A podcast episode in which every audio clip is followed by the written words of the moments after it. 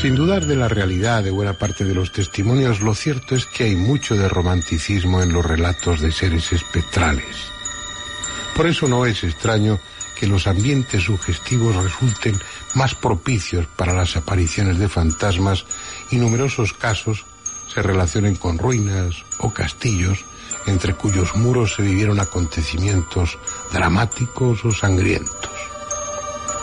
En esa línea no faltan apariciones de personajes ilustres. El más famoso quizás sea la reina Isabel I de Inglaterra, cuyo fantasma ha sido visto recorriendo las estancias del Palacio de Richmond, donde murió en 1603 por numerosos testigos.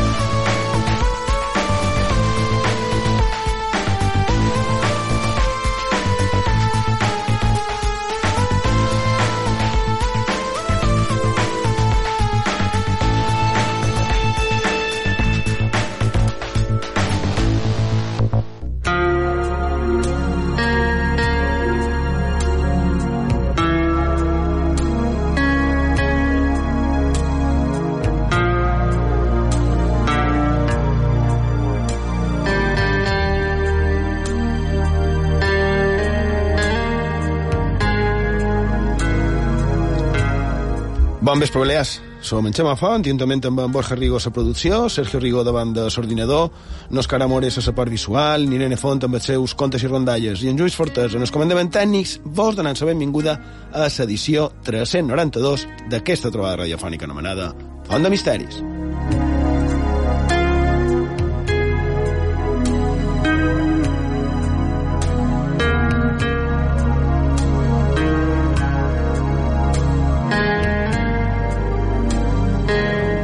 Bon vespre, Borja Rigo. Bon vespre. Sergio Rigo, bon vespre. Bon vespre, Xemà.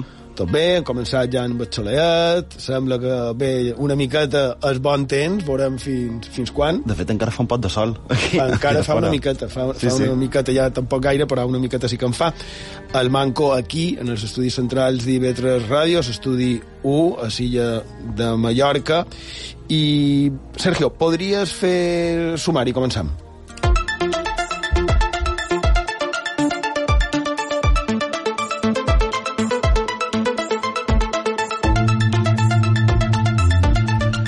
Amb el sumari del programa 392 de Font de Misteris i el primer que farem serà escoltar a Irene Font amb els seus contes i rondalles.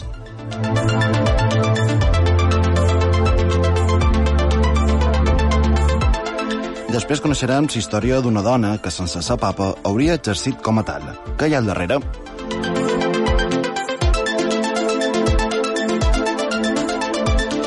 I per acabar repassarem algunes històries que tenen de protagonistes el que coneixem com a fantasmes.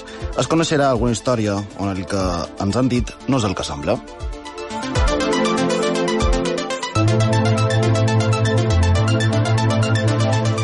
Com cada setmana mos podeu enviar tot allò que vulgueu en els nostres mitjans de contacte. Ho podeu fer per WhatsApp i Telegram. El número de telèfon és 659 1669 52. Ho repetim, 659 1669 52. També ho podeu fer per correu electrònic fontdemisteris arroba ib3radio.com Repetim, fontdemisteris arroba ib3radio.com També us podeu seguir a les xarxes socials. A Facebook i a Twitter ho podeu fer cercant Font de Misteris. També a Instagram. Allà mos trobareu cercant Font de Misteris i Vetres. I si voleu podeu recuperar tots els nostres programes d'aquesta desena temporada i de les anteriors.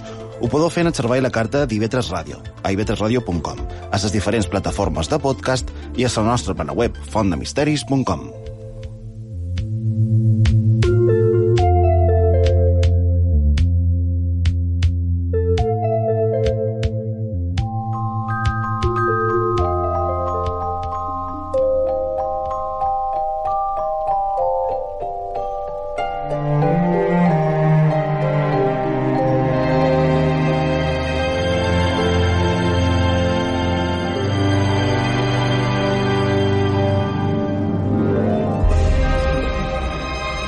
com acaba de dir en Sergio Natsumari, anem ara en la secció que nosaltres anomenem Contes i Rondalles, on cada setmana anirem font mos du qualque conterella, qualque rondalla, que li hagi pogut cridar l'atenció. Bon vespre, Irene. Bon vespre, Xema. Què mos dus avui? Bé, per aquesta setmana duc una rondalla de Joan Castelló Guasc, del llibre de rondalles d'Eivissa.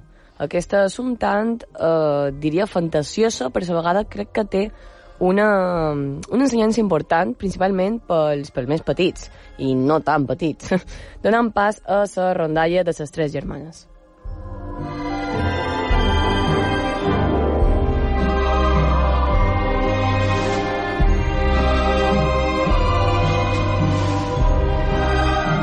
Aquesta comença amb una mare ja molt major que tenia tres filles, n'Antònia, na Catalina i na Bet. Les tres eren casades i vivien cada una eh, a la seva casa amb el seu home i els seus infants. La mare estava tota sola i no feia mal d'ulls a ningú. Això vol dir que tota la família vivia en, en pau i en, i en bona harmonia. Es feien visites entre elles cada dos per tres i, com que sols era un dia de cada tant de temps, tothom feia bona cara i posava força de compliment. Però un dia sa mare va enfermar i amb això aquesta no podia valdre-se per, per ella mateixa. Així que no va tenir altre remei que acudir a les seves tres filles a demanar ajuda.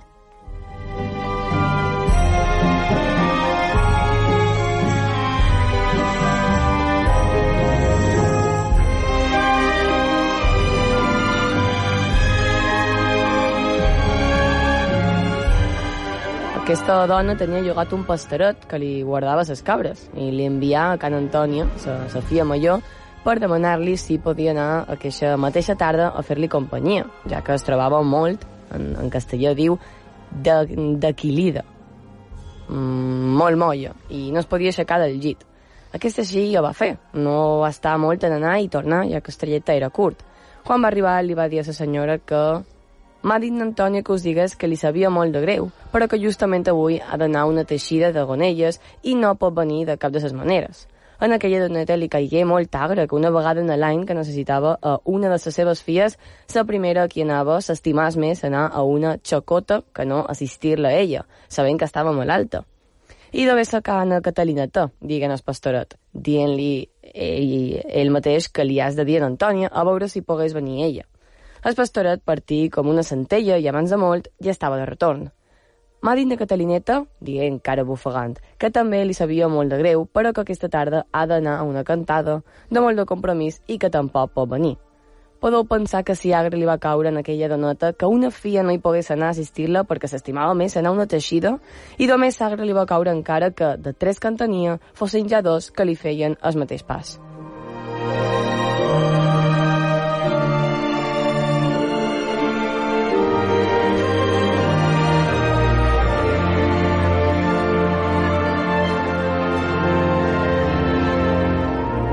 Aquesta, amb poques esperances ja, li va dir que provàs d'anar a veure Navet, l'última fia.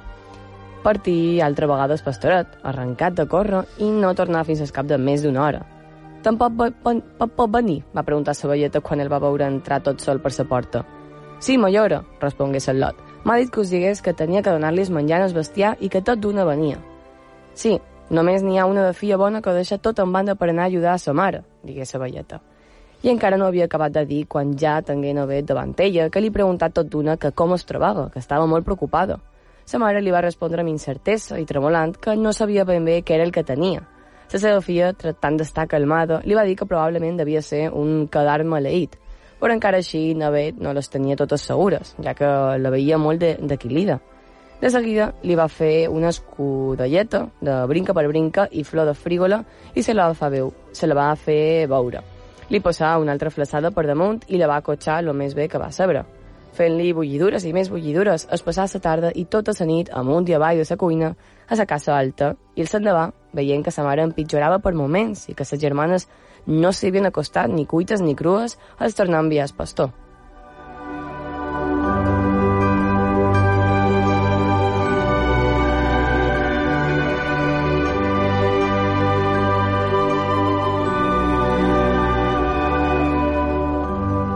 Damunt el migdia i comparegueren els dos, remugant encara perquè havien deixat de, de, de banda les seves feines, Nabel li va dir que podien entrar a sa casa i que després d'allò, si volien, ja seguirien queixant tot el que volguessin, si li quedaven ganes. entraren i les tres s'acostaren a llit, on sa mare pareixia que estava ja en sorrogoi de sa mort.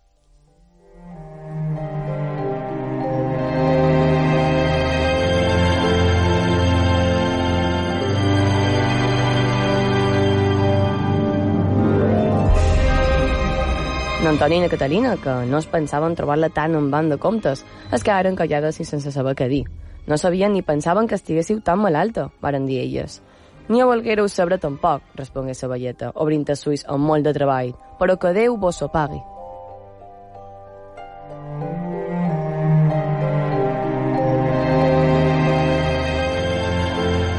Ara, escolteu-me això que us diré.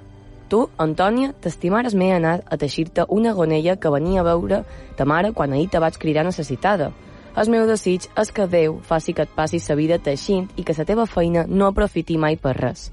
Tu, Catalina, t'estimares més anar a una cantada que venia a veure ta mare. Ja sé que t'agrada molt cantar.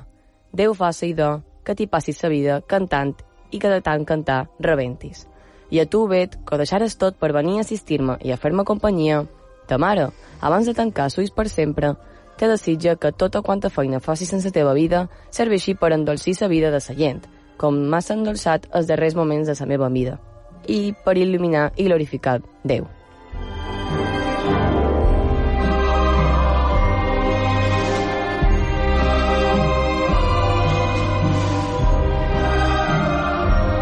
Just paregué que havia reservat els darrers salents per dir aquestes paraules a aquelles tres filles seves, perquè tot just quan va acabar de dir allò, torcia el coll i va quedar totalment morta i freda a on es trobava.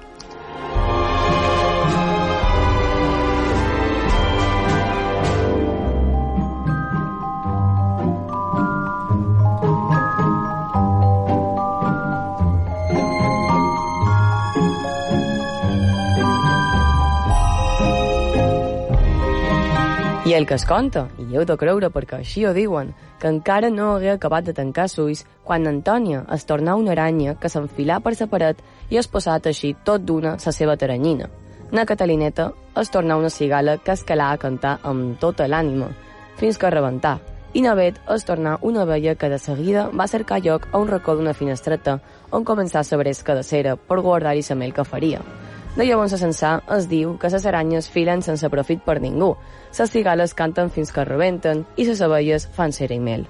Qui ho vulgui creure, que ho cregui, i qui no, que ho vagi a cercar.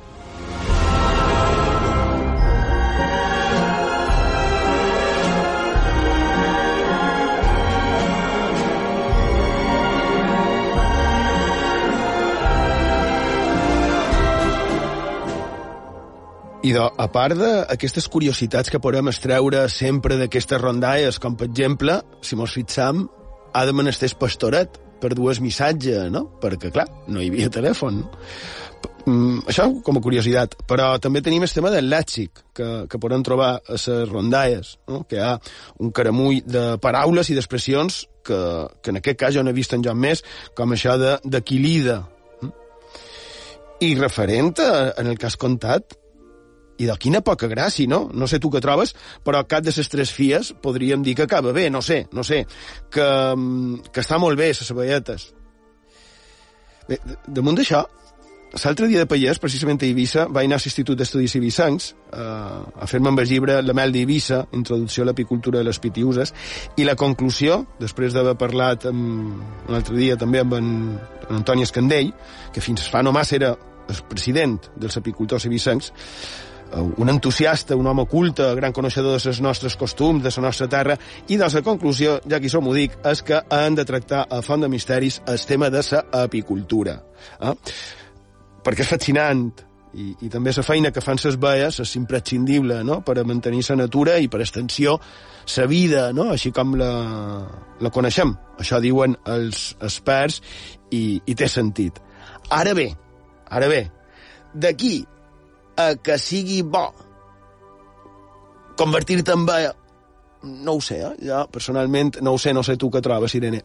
Jo trobo un poc el, el mateix que tu.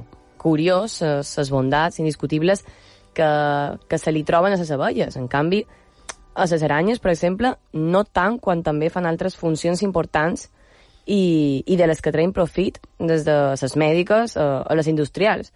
Perquè al cap i a la fi, si, si ens fixem, normalment es valora segons el profit que li traiem els humans. Però crec que el més eh, destacable seria això. Hauria de ser una ensenyança de, de si fas les coses bé i, i ajudes als teus, rebràs el que et pertoca. Però realment el que et pertoca seria, jo crec, seguir amb la teva vida com sempre i no treballar el rest de la teva vida sent un animal i, a més, morir de treballar excessiu. Uh, de, de, de treballar excessivament. No sé, és una moralitat un tant un tant confosa, diria jo. No, de, de, de, m'ha fet gràcia això de, de treballar el rest de la teva vida sent un animal, que és el que condemna a les tres fies. I després aquí hi ha també una altra cosa que trob curiosa i interessant. En qualsevol cas, fos com fos, aquestes tres fies haurien desaparegut.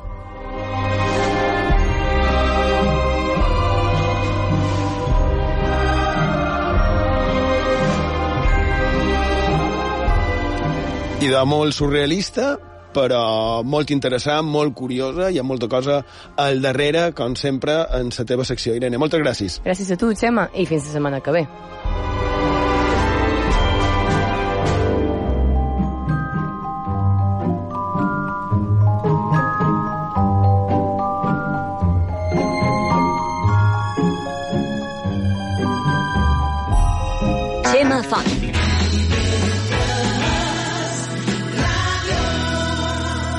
Font de misteris. Digues la teva. Participa amb nosaltres. Envia una nota de veu, fotografies o missatges de text al WhatsApp d'IV3 Ràdio. 646 93 45 01. 646 93 45 01. Forma part d'IV3 Ràdio. Aporta la teva visió o opinió. Participa.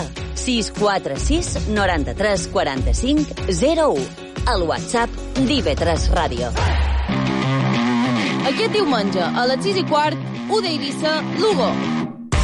Ja en la permanència aconseguida a la segona divisió, el conjunt Pitius vol aconseguir la victòria davant la seva afició. Viu el millor futbol aquí, a IB3 Ràdio, la ràdio pública de les Illes Balears.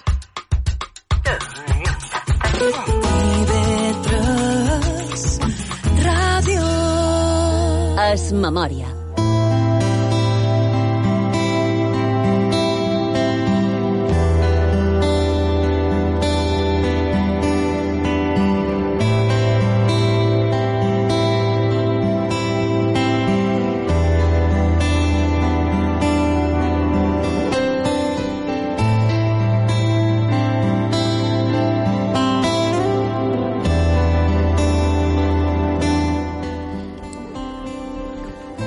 Seguim a Font de Misteris, a sintonia de 3 Ràdio, la ràdio pública de les Illes Balears, a Menorca mos podeu trobar en el 88.6 de la freqüència modulada, i el dissabte passat, quan vàrem acabar el programa, vàrem estar comentant entre nosaltres tot el que, el que havia, el que podria haver, no? el darrere de la història aquella de la coneguda com a papessa Joana, i, i en Borja, així entre nosaltres, va fer el comentari de quantes vegades, no? així, així com a pregunta en general, quantes vegades no podria haver pogut haver dones que fossin lo suficientment influents com per haver poder exercir de, de, de certa manera com a una mena de papes a l'ombra, no?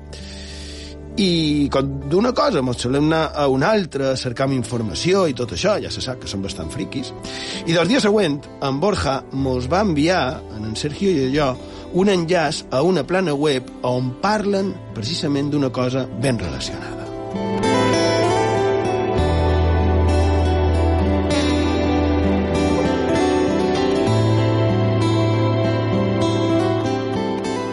La pàgina aquesta és un blog d'una periodista, d'una escriptora que es diu Sandra Ferrer Valero, que té llibres publicats on tracta com a temàtica principal la presència, la importància de les dones a la història.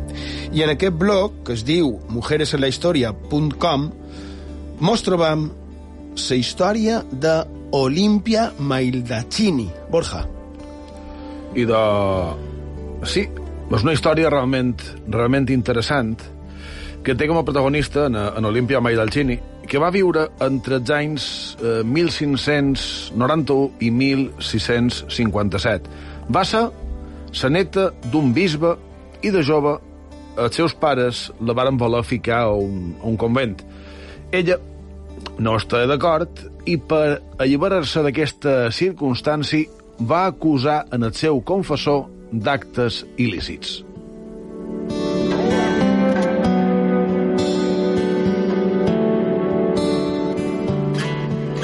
Poc després se va casar amb un dels homes més rics de la ciutat de Viterbo i en els tres anys va quedar viuda.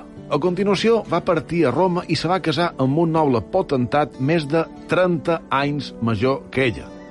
A més, resulta que el seu home era el germà del cardenal Giovanni Battista Pampili, que era un dels papables més destacats. Va tornar a quedar viuda i quan en Giovanni Battista va seure a la cadira de Sant Pere, ella va ser la seva ombra. Va aconseguir que el seu fill fos anomenat cardenal i va obligar a tothom que volgués tenir un càrrec de prestigi en el Vaticà a pagar enormes quantitats de sous.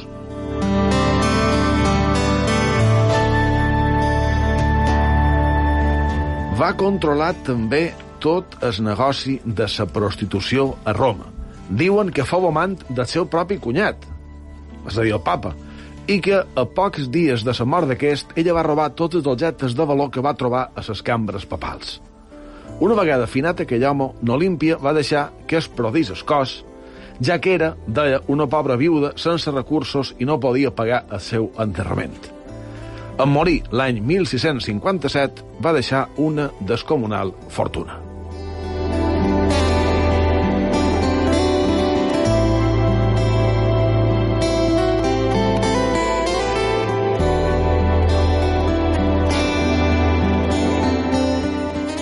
I d'allà tenim el resum del que hauria estat la seva vida. Eh? La vida d'una senyora que jo diria així en general, bastant desconeguda, però també ben influent.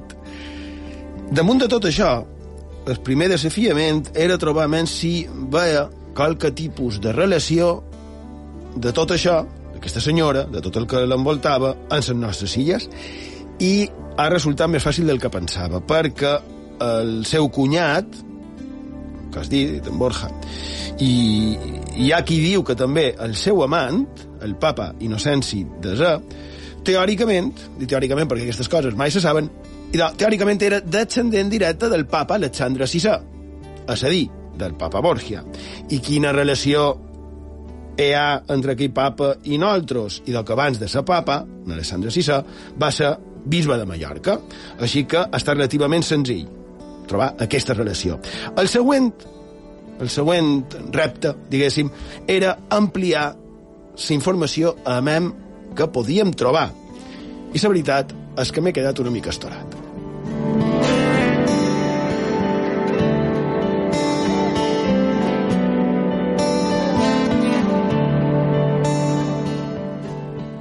És que verdaderament és brutal com de qualsevol cosa surten històries increïbles, històries apassionants, i que, a més, crec que s'haurien de potenciar més per tal de facilitar el conèixer la història, no? Més que res perquè, a base d'anècdotes, la història entra, la història es saboreix, diria jo, molt millor. Es cas, per començar, aquesta senyora es creu que directament es llevava de sobre a aquells que li molestaven. Val? I com s'ho feia? I de comptant d'altres en aquells segles. Estem parlant del segle XVII i ho feia amb un alquimista. Alquimista perquè així era com els coneixien. Eh? Ja crec que en el seu dia ho vàrem dir. Era gent que coneixia la química. De fet, d'aquí ve el nom d'alquimista. Eh? I era gent que coneixia suficient més la química com per, per ser efectius a l'hora d'administrar verins. En aquest cas, el seu ajudant en aquestes coses pot ser que fos un tal Nicolás Egidio. Hm? I, clar, no està demostrat, és mal de demostrar moltes coses com aquestes, però tal vegada sí relacionat. Eh? El que sí sembla segur és que, curiosament, els seus dos matrimonis, amb dos, en ses mateixes particularitats. Senyors majors i potentats, un amb molt de dobbers, que quan va morir el pot de casats, quines coses, li va deixar tota la fortuna a ella, i el segon, que a més estava ben relacionat, molt ben relacionat dins l'església. El seu germà, és a dir, el cunyat d'Olímpia, era cardenal.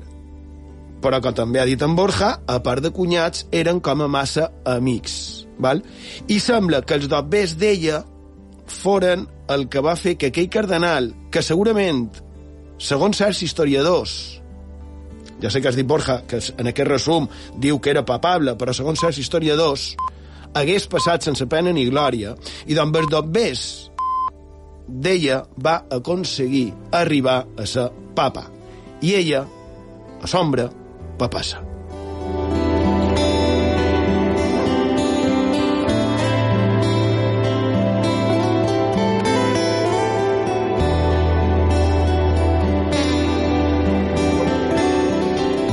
I era a l'ombra o no, perquè era un secret que tothom coneixia, era Vox Populi, no?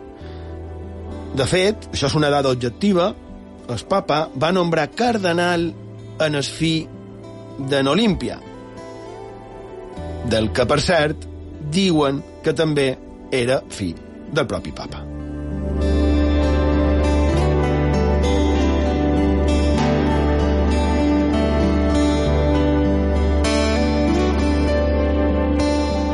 Aquest papa és el de, jo diria que podríem afirmar que és el més famós retrat fet per Velázquez, eh, el pintor espanyol.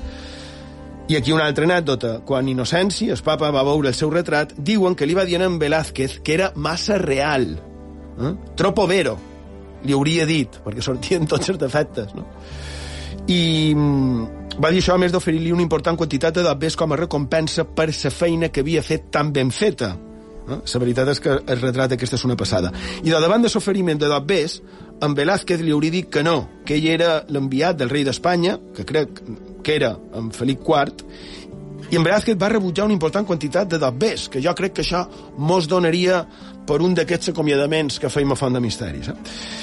Perquè ell deia que havia cobrat ja per la seva feina i que no la podria tornar a cobrar. I també va que, que, a pintar, en Velázquez, en el seu cardenal nepot, en el Camilo Mampili, eh? que això demostraria la seva influència. Eh? I d'ella, de la mare d'en Camilo, diuen que s'ocupava de tot el tema de les finances, tant del papa com de les seves particulars. I li atribueixen haver-se aprofitat, per exemple, dels pelegrins. Es va inventar un sistema d'assistència en els pelegrins que li va donar molt de beneficis. Però no només això. També es diu que està considerada ni més ni manco que la major proxeneta de la història.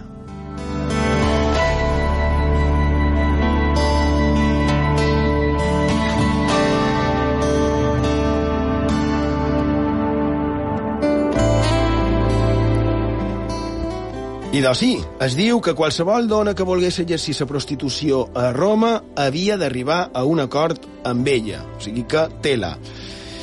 I quan el papa va emmalaltir, ella aprofità per fer i desfer com va trobar més adient, principalment, evidentment, en els seus, adient en els seus propis interessos. I un pic mort els pontífex aprofità les darreres jornades per dur-se tot el que va poder i va deixar ja abandonat eh, el cos, el cadàver del papa, i ella va alegar que no es podia fer càrrec, perquè no era més, com ha dit en Borja, que una pobra viuda.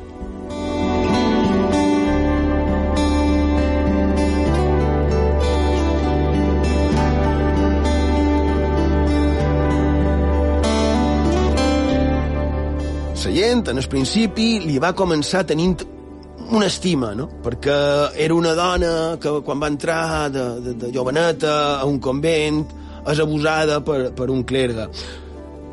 Però en el final jo diria que el que despertava era més por que una altra cosa. I acat de dir en el final, però és que el seu final és també el seu principi.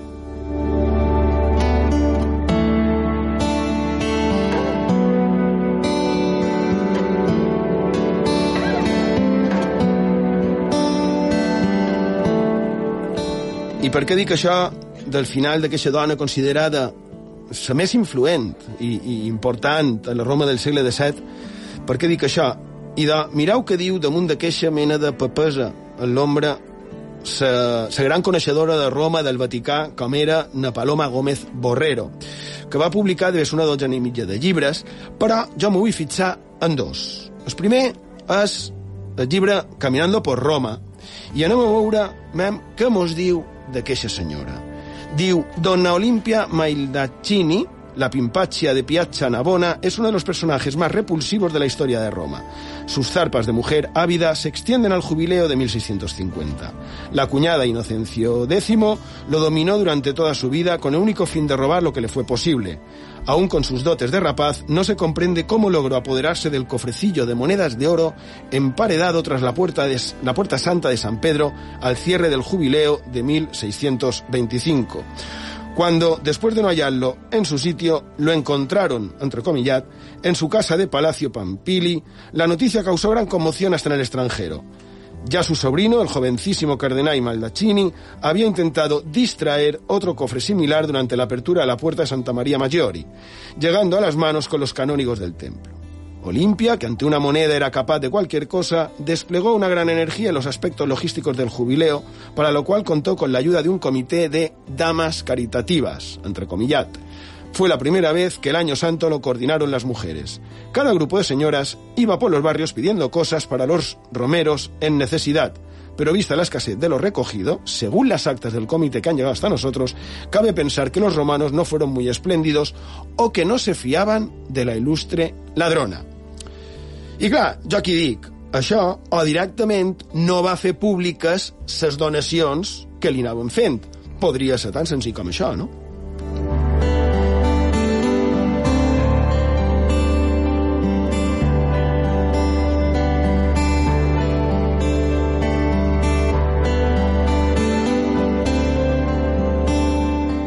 Així, doncs, tenim que queixa li estic dient papessa en, en l'ombra, aquesta manipuladora del papa i Inocenci Desà, del que la mateixa Paloma Gómez Borrero diu Inocencio X, por su parte, aunque débil de carácter, era un hombre de virtud irreprochable, però ella no, ella no, fins al punt d'haver-se barallat amb una altra dona mm, semblant a ella, del seu mateix estil, que era la dona del seu fill Camilo, és a dir, la seva nora.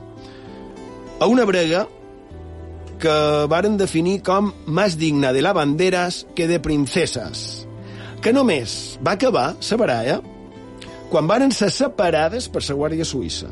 Sigui, no me digueu, és increïble, ho miris per on ho miris. Davant d'aquest escàndol, i jo imagino de Duesc, també que per aprofitar la circumstància, un cardenal l'obliga a sortir del Vaticà.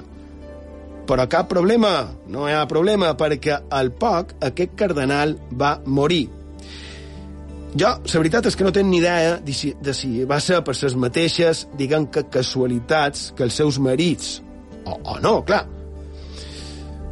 Però quan ell mor, ella torna al Vaticà encara que quan estava allunyada físicament de, de, del que és Vaticà, des de la seva posició de control del papa, seguia manejant els fills. Eh? I, I ara tornaré a donar-li la paraula a Gómez Borrero. Diu, Al correr de los años acabó por llegarle su hora Inocencio X. El 7 de enero de 1655 cerró los ojos para siempre, pero Roma y la curia no se enteraron hasta dos días más tarde. Dona Olimpia les escondió la noticia para tener tiempo de desvalijar las habitaciones del difunto. Un saqueo vergonzoso que la propia Olimpia capitaneó. No le alcanzaría la vida para pagarlo. Ávida, mezquina y tacaña en grado superlativo. Lo demostró al negarse a pagar, o al menos a contribuir para el entierro del Papa. Tuvo que ser un antiguo secretario de Inocencio X quien costeara un entierro casi de caridad para el pontífice. Su tumba, modestísima, está en la iglesia Santa Inés. En el palacio vecino murió Olimpia Panfili un año después, dejando a los hijos una fortuna colosal. Sin duda alguna, fue la más rica del cementerio.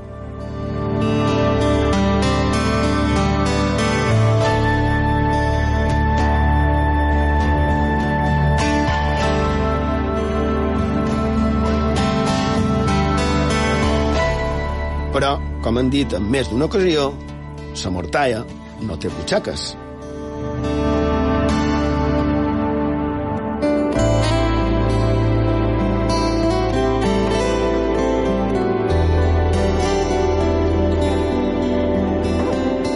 I si aquell cardenal, que Camilo, si realment era el fill del papa Innocenci X, hauria estat ell descendent directe, com he dit abans, del papa que va ser bisbe de Mallorca i hauria estat ell qui hauria aprofitat aquella immensa fortuna mentre sa mare dormia el somni etern.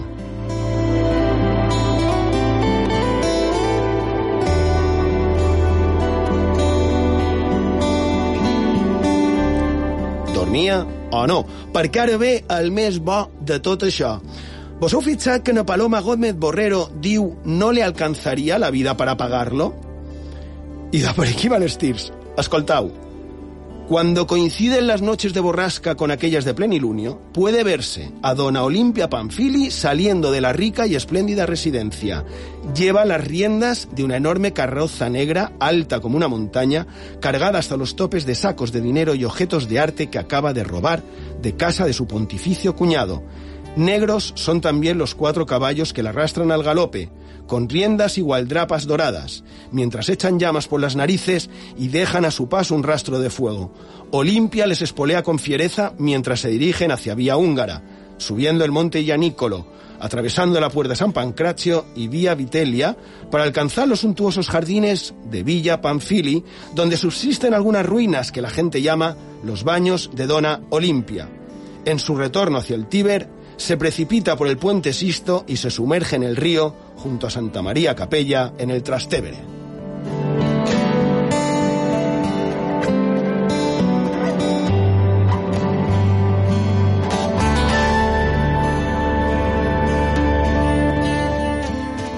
Sí, és el que sembla i que, a més, guarda semblança amb altres aparicions de nobles dolents de la nostra història. No? El rastre d'un és de foc, el rastre de l'altre és de sofre. Una va carregada de tresors que ja no li servirien per res, evidentment, i l'altra va acompanyat d'una dona que hauria estat víctima dels seus abusos. L'una, en lloc d'un cavall, en du quatre. Però, en definitiva, pel cas, crec que podem dir que és el mateix.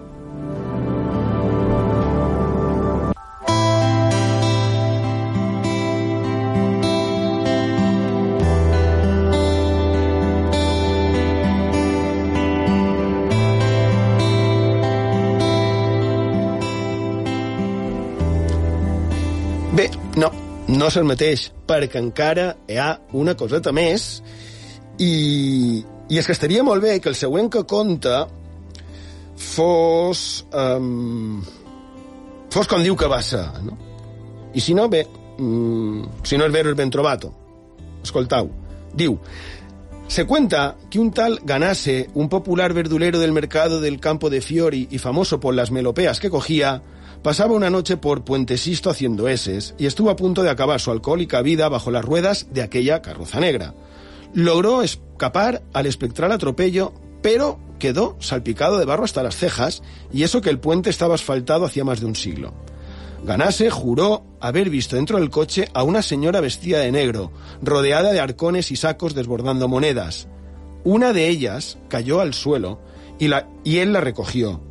Nadie creyó la aventura del borracho, pero cuando enseñó la moneda a un anticuario, este dictaminó que no solo era auténtica, sino que había sido acuñada en la época de Inocencio X, con lo que Ganase pasó a ser aún más popular y que se sepa, la persona que más de cerca ha visto el fantasma de Olimpia Panfili, tan ávida de dinero en la vida como en la muerte.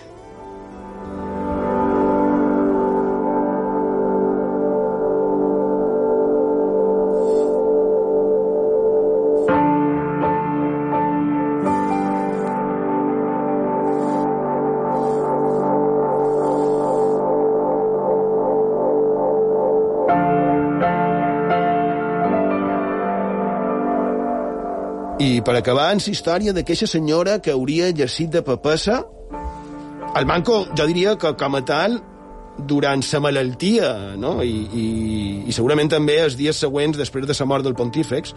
I de per acabar, la cloenda èpica que fa a Paloma Gómez en el seu capítol del llibre de Bonestic estreguent això, Los fantasmes de Roma, que per cert recomanant, com no pot ser d'una altra manera, i de diu, ni el infierno consigue tenerla alejada de su tesoro, que continúa transportando de uno a otro de sus palacios por miedo a que se lo puedan arrebatar.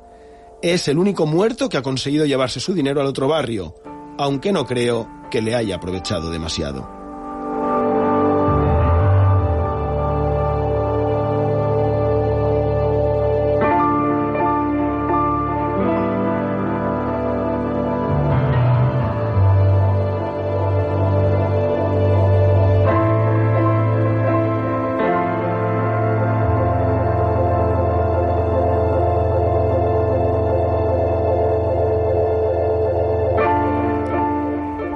I d'ella vaga, passeja pel món, no?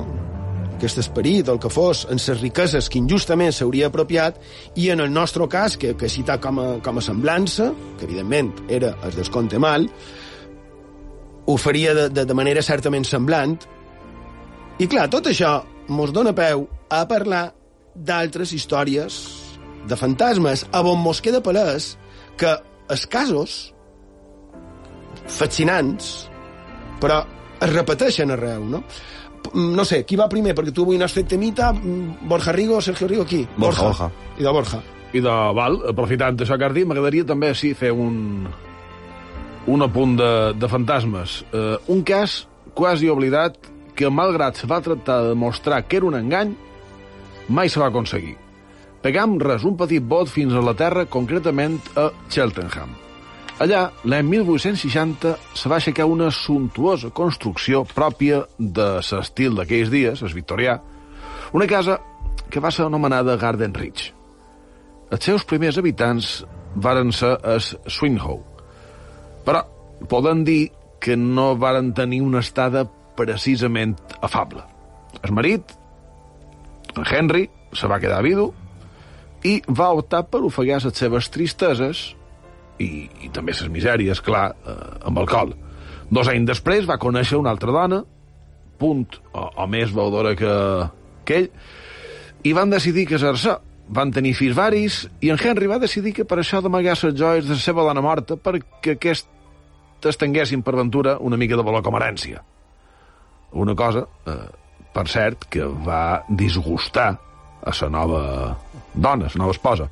De fet, tan poca gràcia li va fer que va acabar abandonant Somo 1876. I Mogent, que així se deia, va morir l'any 1878 sense haver trepitjat de nou aquell que havia estat la seva llar, la seva casa.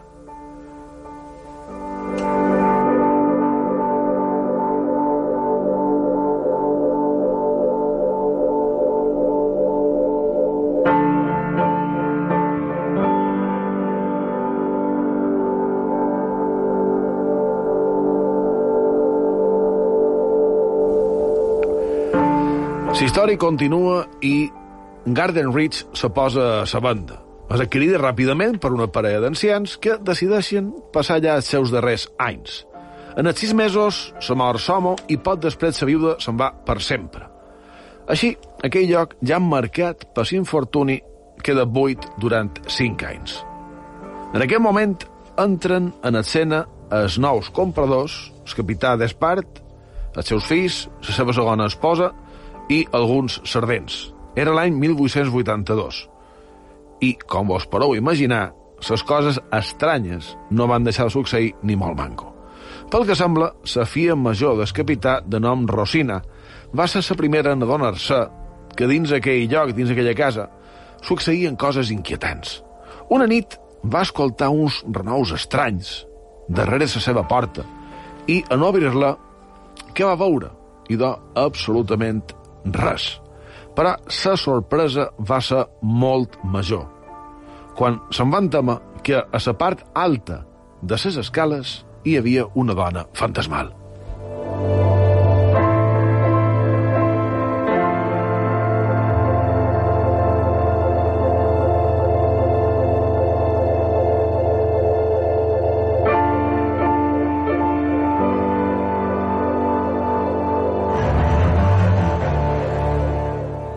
A partir d'aquest moment, les aparicions varen ser contínues. A sol i ombra, de dia i de nit. Però com era, que aquest, com era aquest ésser que va descriure la jove Rosina? Aquella dona que s'apareixia amb tanta freqüència era alta, se vestia de negre, duia dins les seves robes la mà esquerra i a la dreta sostenia un mocador en el qual se tapava el rostre.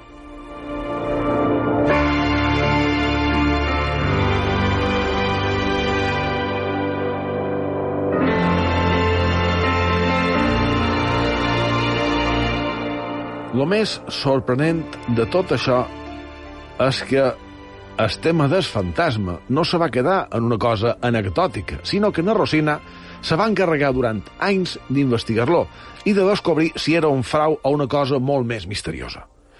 Per això va utilitzar les precàries càmeres fotogràfiques de l'època i fins i tot, pel que sembla, per a comprovar si era veritat un ésser incorpori, o, o més aviat, ventura un gran bromista, va col·locar acuradament fils finíssims a l'escala on s'apareixia. Si era etèria, els traspassaria sense passar cap pena. Si era humana, se pegaria una trompada de categoria i l'engany quedaria resolt. El que va ocórrer és que en el pas dels temps les aparicions se van anar fent cada vegada més esporàdiques i a vegades solament se podien sentir el renou de les passes. Lo curiós és que els diaris de recerca que anava escrivint na Rosina de manera meticulosa varen ser estudiats en gran avidesa pels membres de la Societat de Recerca Psíquica que tanta fama tenia en aquells dies a, a la Terra. I va ser quan se va sospitar que aquell fantasma podria ser el de la difunta Imogen, que havia tornat a la que havia estat la seva casa per recuperar les joies ocultes. Na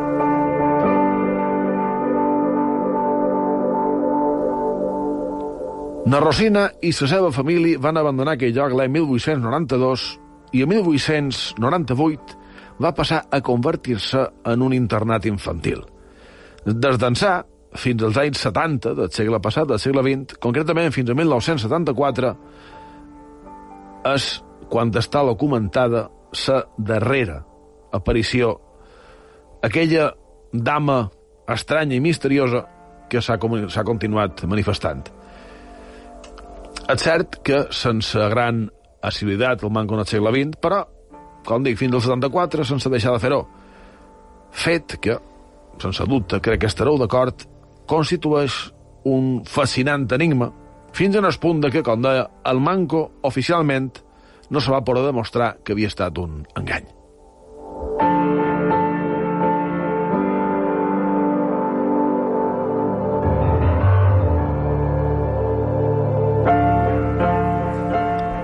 Has parlat d'una història, has dit oficialment, has dit documentat, però també has parlat, emprant les paraules, engany i broma.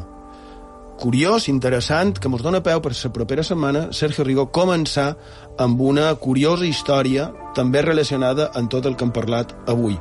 Serà la propera setmana aquí, a Font de Misteris, a IB3 Ràdio.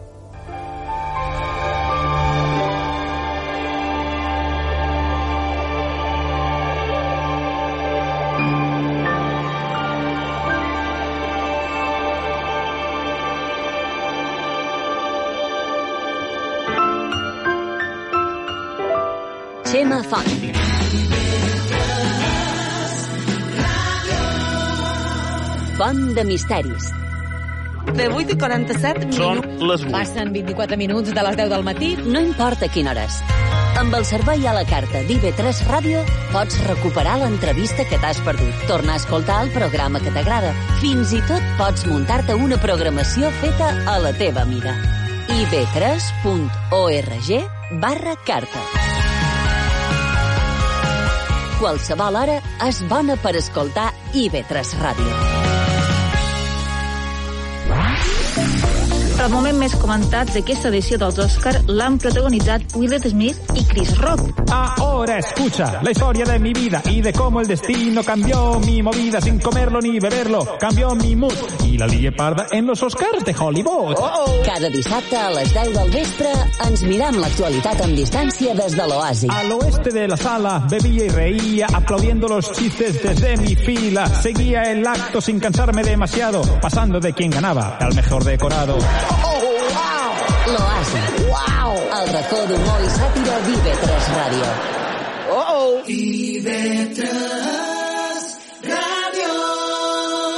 És història.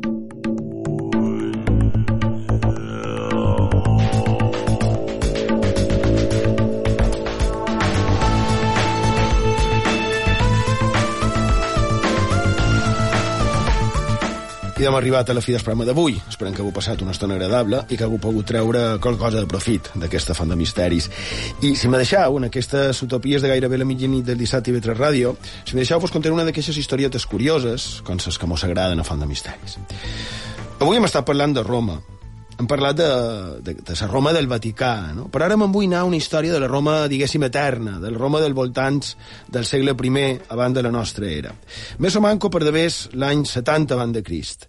Marc Licini Cras, un membre de la noblesa romana, immensament ric. D'ell es diu que gairebé la meitat de Roma era seva, a part d'altres béns. Era membre del Senat i ambiciós com ell tot sol. Ell va ser el que va aconseguir aturar la revolta dels esclaus, eh? tot allò d'en Espartaco, aquells que tots els presoners, de més 6.000 persones, acabaren crucificades per mostrar el que passaria si qualcun altre intentava fer res. Aquest és el que a l'escola primària, a l'EGB, en el meu cas, ens parlaven, eh, quan parlaven dels triumvirats. I de, aquest era el del triumvirat amb en Julio César i amb en Pompeyo. Però no li bastava. Així que fins i tot, ambiciós desmesurat, també va voler invadir Pàrtia, que està per devés l'actual Iran, però cras error, cras, cras error, perquè ell el varen aplegar, li varen agafar com a presoner i li varen fer veure o fus, que podem imaginar, evidentment, la conseqüència. El cas, que aquell que dona origen en el nom de cras error, com he dit, a part d'ambiciós, era immensament ric i poderós, i tot va lligat. Resulta que en aquella època els incendis eren una cosa molt habitual a Roma. Eren cases fetes amb fusta i, i paia, llums d'oli, torxes, poc espai. Si escalava foc, per petit que fos, aquest es podria estendre, i de quina manera. De fet, allà està l'incendi de Roma, no?, atribuït a Neró, és a dir, que podem imaginar el verdader perill que representava. I què va fer aquest senyor? I de va crear el que potser sigui el primer cos de bombers com a tal, però amb una particularitat. Només se'l s'emprava per apagar els focs a les seves propietats. Així que si un tenia foc a casa seva, ell el que feia era comprar-li la propietat. Si li venia, apagava el foc. Si no, deixava fer, que es cremés. Eh, clar, era o ho perdies tot o li venies per una misèria, però pitjor era quedar-te sense res. I aquest, aquest membre del Senat, ho sabia ben bé això i s'aprofitava. Que fins aquí és escarós, és repulsiu i és molt representatiu. Però, clar, és que hi ha més. Es diu que no tan sols això, sinó que, a més, ell mateix era el que s'encarregava de que seguís havent incendis per poder comprar a preu de patató les propietats alienes. Era tot un negoci, era un negoci rodó, enganava, anava per sa vida com si solucionés els problemes dels altres, però el que feia era que desgraciava la vida de moltíssima gent, però ell treia el seu benefici. A canvi de què? De la pobresa, del patiment dels altres. I al final resulta que quan més i més mires la història, més te n'adones que no hem avançat gens. Ans al contrari, els poderosos es van fent més poderosos i mentre la gent, el poble, la gent normal, en resignació i sense entendre massa bé, veu com són les víctimes de l'ambició desmesurada d'uns pocs. No? Ja dic, no aprenem i, malauradament, hi ha els que aprenen massa. Dels Queen, Another One Bites the Dust. Un altre que mossega la pols, un altre que cau. Allí, Pau, bona nit. Gràcies per la vostra companyia i fins la setmana que ve.